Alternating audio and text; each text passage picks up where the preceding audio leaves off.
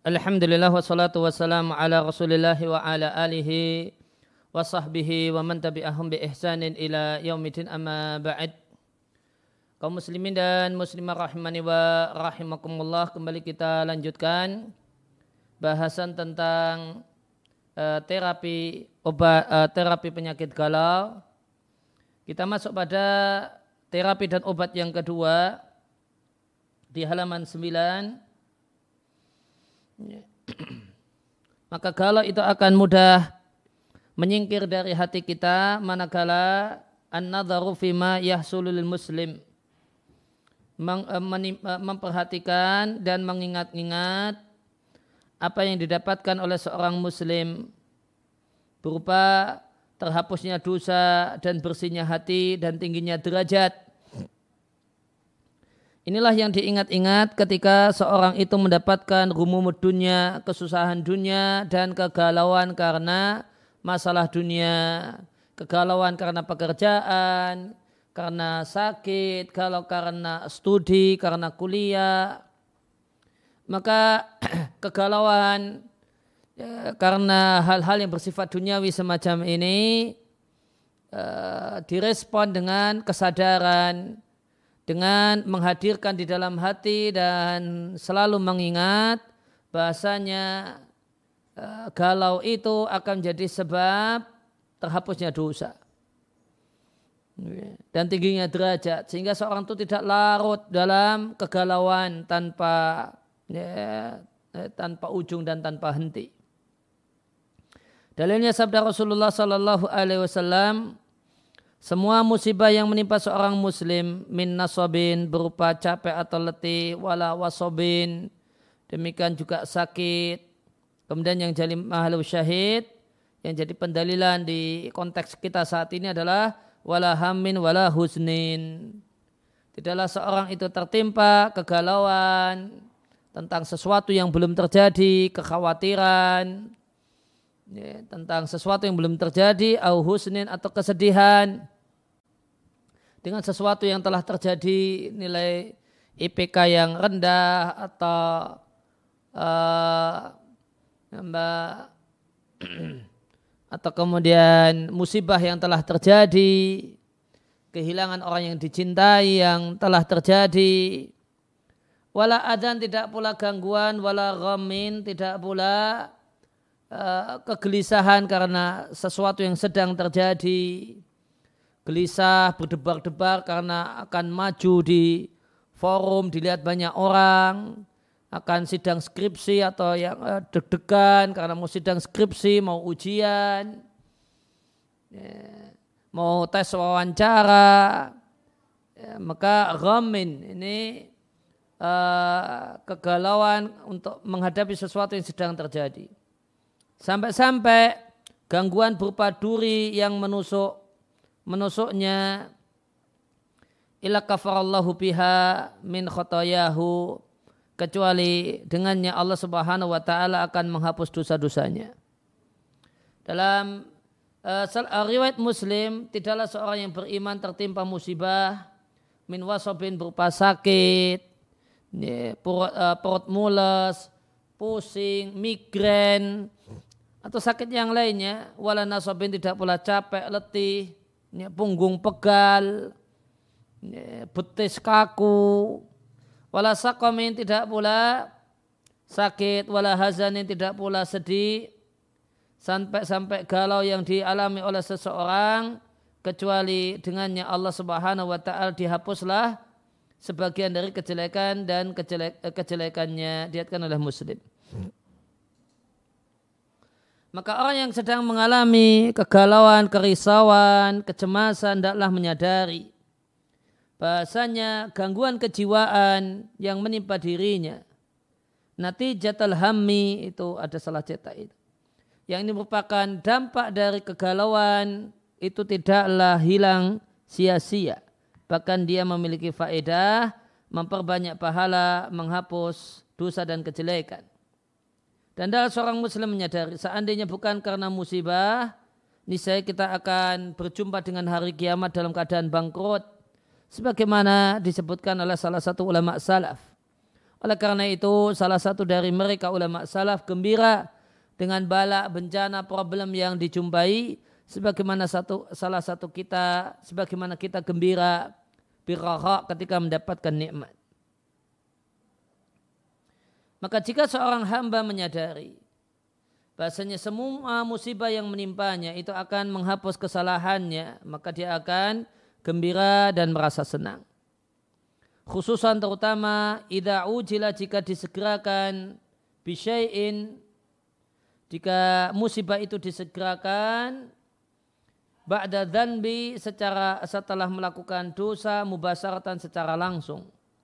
Sebagaimana kasus yang dialim oleh salah satu sahabat radhiyallahu an radhiyallahu anhum dalam hadis yang diriatkan dan diceritakan oleh Abdullah bin Mughaffal radhiyallahu anhu Beliau mengatakan ada seorang yang menjumpai seorang wanita. Yang wanita ini dulunya adalah barian pelacur di masa jahiliyah. Maka lelaki ini kemudian iseng e, menggodanya, menggoda perempuan itu sampai pada akhirnya dia julukan tangannya kepada wanita itu, mengajaknya berbuat zina. Lantas perempuan tersebut mengatakan, "Mah, tahan, Fa Allah azza wa jalla Allah azza wa jalla telah menghilangkan kemusyrikan dalam riwayat yang lain dari Afan Dhahaba bil jahiliyah Sesungguhnya Allah subhanahu wa ta'ala telah menghilangkan jahiliyah dan menghadirkan Islam untuk kita. Ya, artinya dia menolak untuk diajak berzina. Fawala rajulu maka orang tersebut kemudian balik kanan dan pada saat balik kanan tersebut dia nabrak wajahnya nabrak tembok. Ini baru saja menggoda uh, seorang wanita dan mengajaknya berzina. Setelah itu langsung dapat musibah kes, nabrak tembok. Apa yang terjadi? Fasad jahu uh, timbullah luka di kepalanya. Akhirnya lelaki ini datang menemui Nabi Shallallahu Alaihi Wasallam dan menceritakan kisahnya Fakal maka Nabi mengatakan engkau adalah seorang hamba yang Allah inginkan kebaikan pada dirimu. Idza aradallahu azza wa jalla bi 'abdin khairan ajjalalahu uqubata dzanbihi. Jika Allah menginginkan kebaikan untuk seorang hamba, Allah segerakan hukumannya, Allah segerakan hukuman dosanya. Sehingga dia segera insaf dan sadar. Dan jika Allah menginginkan kejelekan terjadi pada seorang hamba, Allah tahan ali bidan bihi. Allah tahan ya, adab untuknya. Adab karena dosanya Allah tahan. Sehingga selama hidup di dunia dia enjoy-enjoy saja, nyaman-nyaman saja, happy-happy saja. Hatta yuwafa bi yaumal qiyamah. Sehingga barulah dibalas dosa tersebut nanti pada hari kiamat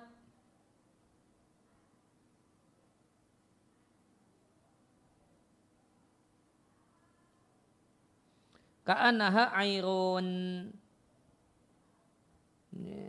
Maka dosanya demikian banyak seakan-akan dia adalah air. Air itu kafilah dagang kalau tidak salah.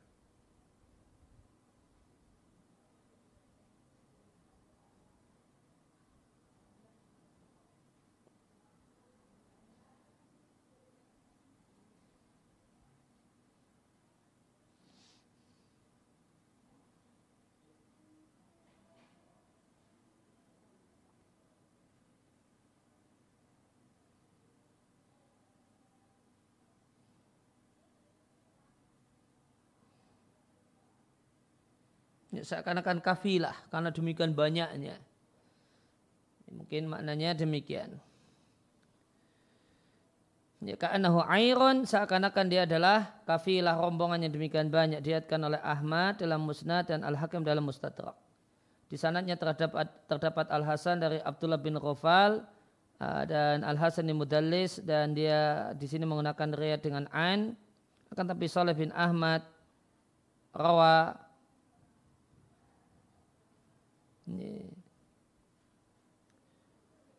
baina rawa Salih ibn Ahmad baina Hambal atau rawa ibn Salih ibn Ahmad ibn Hambal mengatakan itu ibn ya bukan ya ibn Kala abi ayahku mengatakan kalau beliau mendengar Al Hasan dari Anas bin Malik dan dari Ibnu Mukhafal yaitu Abdullah bin Mukhafal. Demikian di Kitabul Marasil karya Ibnu Abi Hatim.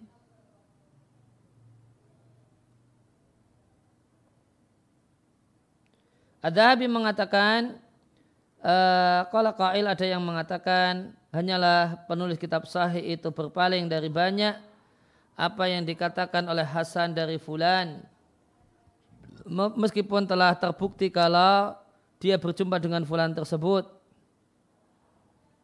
Dikarenakan Al Hasan terkenal dengan tadlis dan beliau melakukan tadlis dari perawi-perawi yang daif maka fayabuqa fi nafsi min dalika maka tetap ada ganjalan di hati karena hal tersebut. Ya, halaman 10 dan Nabi Shallallahu Alaihi Wasallam menyampaikan jika Allah arada menginginkan kebaikan untuk orang seorang hamba, Allah akan segerakan hukuman baginya di dunia. Dan jika Allah menginginkan kejelekan untuk seorang hamba, Allah tahan dia. Sehingga Allah akan balas nanti pada hari kiamat dengan sebab dosa-dosanya. Diatkan oleh At-Tirmidzi dan dia adalah uh, dalam sunannya. Kemudian uh, kiat yang ketiga agar kita bisa ya, pandai menyikapi kegalauan, problem.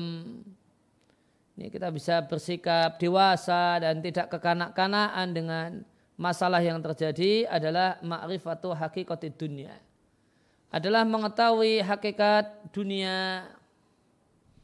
Maka jika seorang mukmin menyadari bahasanya dunia itu fana, kesenangannya itu sedikit, kelezatan yang ada di dalamnya itu terkotori dan tidak jernih bagi siapa pun jika Anda, jika dunia itu membuat Anda tertawa sebentar, maka dia akan membuat Anda menangis panjang. Dan jika dunia itu memberikan yang sedikit, dia mencegah yang banyak. Dan seorang yang beriman itu tertahan di dunia sebagaimana sabda Nabi sallallahu alaihi wasallam, "Adunya sijnul mu'mini wa jannatul kafiri." Surga itu, dunia itu adalah penjara bagi orang yang beriman dan bagikan surga bagi orang yang kafir diatkan oleh muslim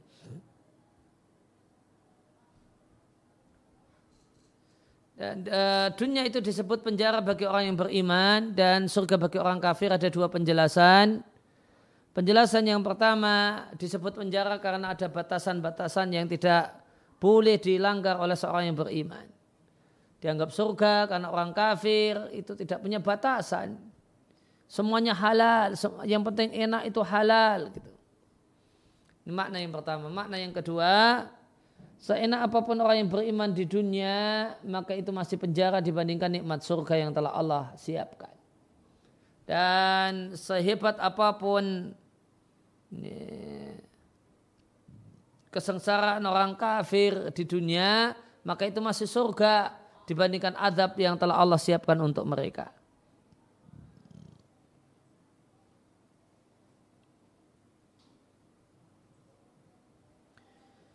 Waya kadalika demikian juga patut untuk disadari bahasanya hakikat dunia itu nasobun capek. Ini.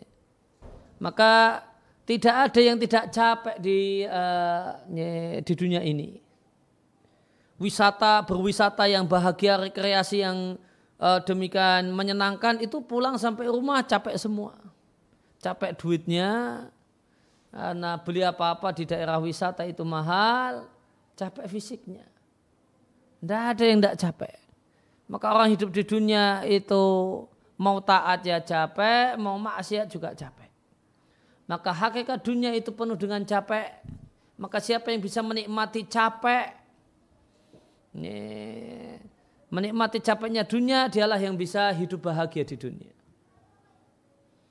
Maka demikian juga dunia isinya adalah nasabun capek, adan gangguan, sakaun kesengsaraan, wa anaun kesusahan. Oleh karena itu orang yang beriman itu jadi plong istirahat ketika meninggalkan dunia. Sebagaimana dari Abu ada Ibn Ribai Al Ansari beliau menceritakan bahasanya Rasulullah Sallallahu Alaihi Wasallam melewat uh, mur alaihi bijanazatin dilewatkan di hadapan Nabi satu jenazah Maka Nabi komentar mustarihun orang yang ya, mendapatkan kenyamanan wa mustarahun dan orang yang ya, kematiannya menjadi sebab kenyamanan orang lain. Kalau para sahabat bertanya wahai Rasulullah mal mustari wal mustarahu minhu. Siapa itu orang yang mencari kenyamanan dan orang yang ya, mendapatkan kenyamanan dengan orang yang banyak orang mendapatkan kenyamanan dengan kepergiannya. Maka beliau katakan seorang hamba yang beriman itu mendapatkan kenyamanan terbebas eh, mendapatkan kenyamanan dari kecapean dunia dan gangguan dunia ketika berpindah menuju rahmat Allah Subhanahu wa taala. Sedangkan seorang hamba yang gemar melakukan maksiat maka orang-orang di sekelilingnya itu yastarihu minhu mendapatkan kenyamanan dengan dengan meninggalnya orang tersebut. Bahkan bukan hanya yang merasa nyaman al-ibad manusia, bahkan al-bilad tanah, wasyajar dan pohon-pohon, wadawab dan hewan tunggangan semua merasa happy karena orang ini mati. Diatkan oleh Al-Bukhari.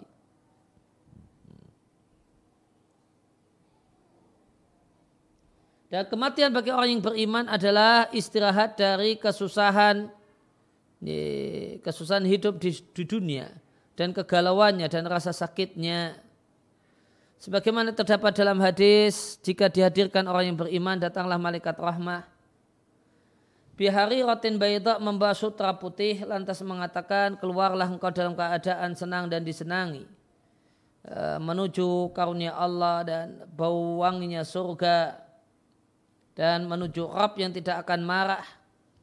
Maka keluarlah nyawa orang yang beriman kaat ya biri miski. Ya, sebagaimana parfum kasturi yang paling wangi.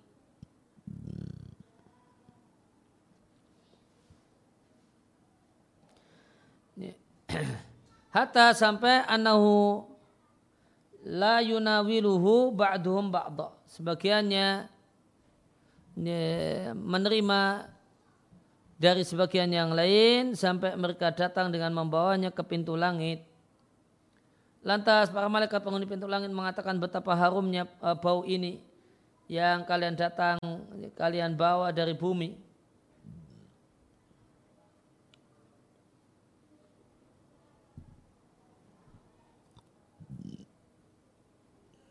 Ya, fayatunya bihi maka mereka lantas membawanya menjumpai nyawanya orang-orang yang beriman. Falahu maka sungguh bagi mereka sungguh mereka sangatlah gembira karenanya. Dibandingkan gembiranya kalian biraibihi dengan saudaranya yang sedang safar yaktum alaihi yang kembali. Lantas uh, lantas uh, mereka akan menanyai orang yang baru datang apa yang dilakukan oleh fulan apa yang dilakukan oleh fulan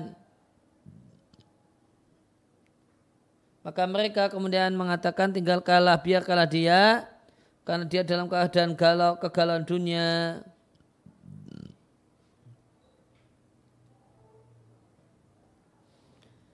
Ya, Faidah kala ama atakum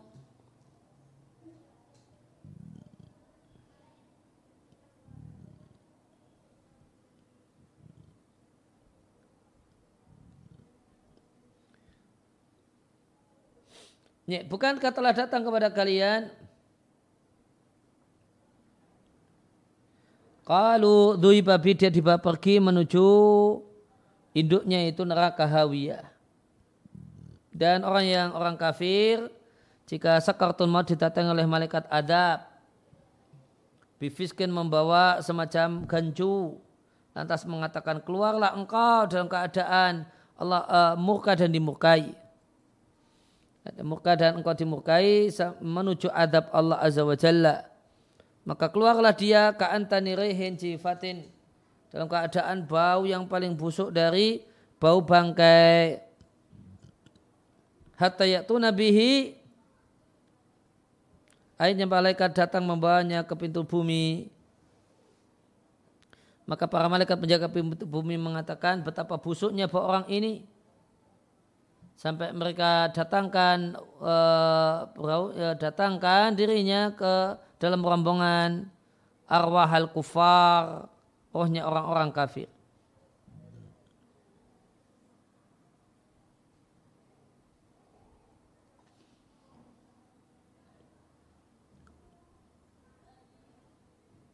Nah, kemudian di paragraf selanjutnya inahadal makna pesan ini yang ditangkap oleh yang ditangkap oleh seorang mukmin tentang hakikat dunia itu akan menyebabkan ringan baginya banyak pengaruh dari musibah, rasa sakit karena kegalauan,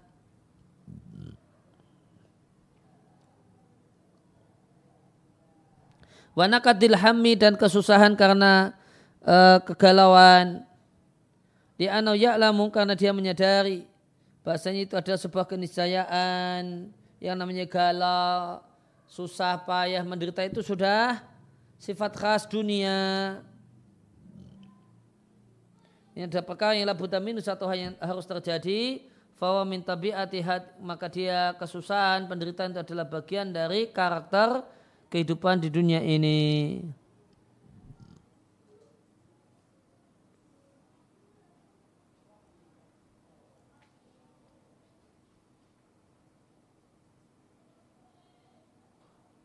Nah, kemudian halaman 11 kita tambahkan dengan terapi yang keempat. Ibtira berupaya untuk meneladani para rasul dan orang-orang saleh dan menjadikan mereka sebagai contoh dan panutan. Wahum dan mereka para rasul adalah orang yang paling berat cobaannya di dunia. Karena seorang itu mendapatkan cobaan sesuai dengan kadar agamanya dan jika Allah mencintai seorang hamba, Allah memberikan ujian padanya. Waqad sa'ala saat saat radhiallahu anhu bertanya pada Nabi sallallahu alaihi wasallam, "Wahai Rasulullah, siapakah manusia yang paling berat cobaannya?" Maka Nabi katakan para nabi, kemudian sumal amsalu fal amsal, kemudian orang yang di bawahnya dan di bawahnya. Fayub tala arajulu ala hasabidini. Seseorang itu mendapatkan cobaan sesuai dengan kadar dosanya.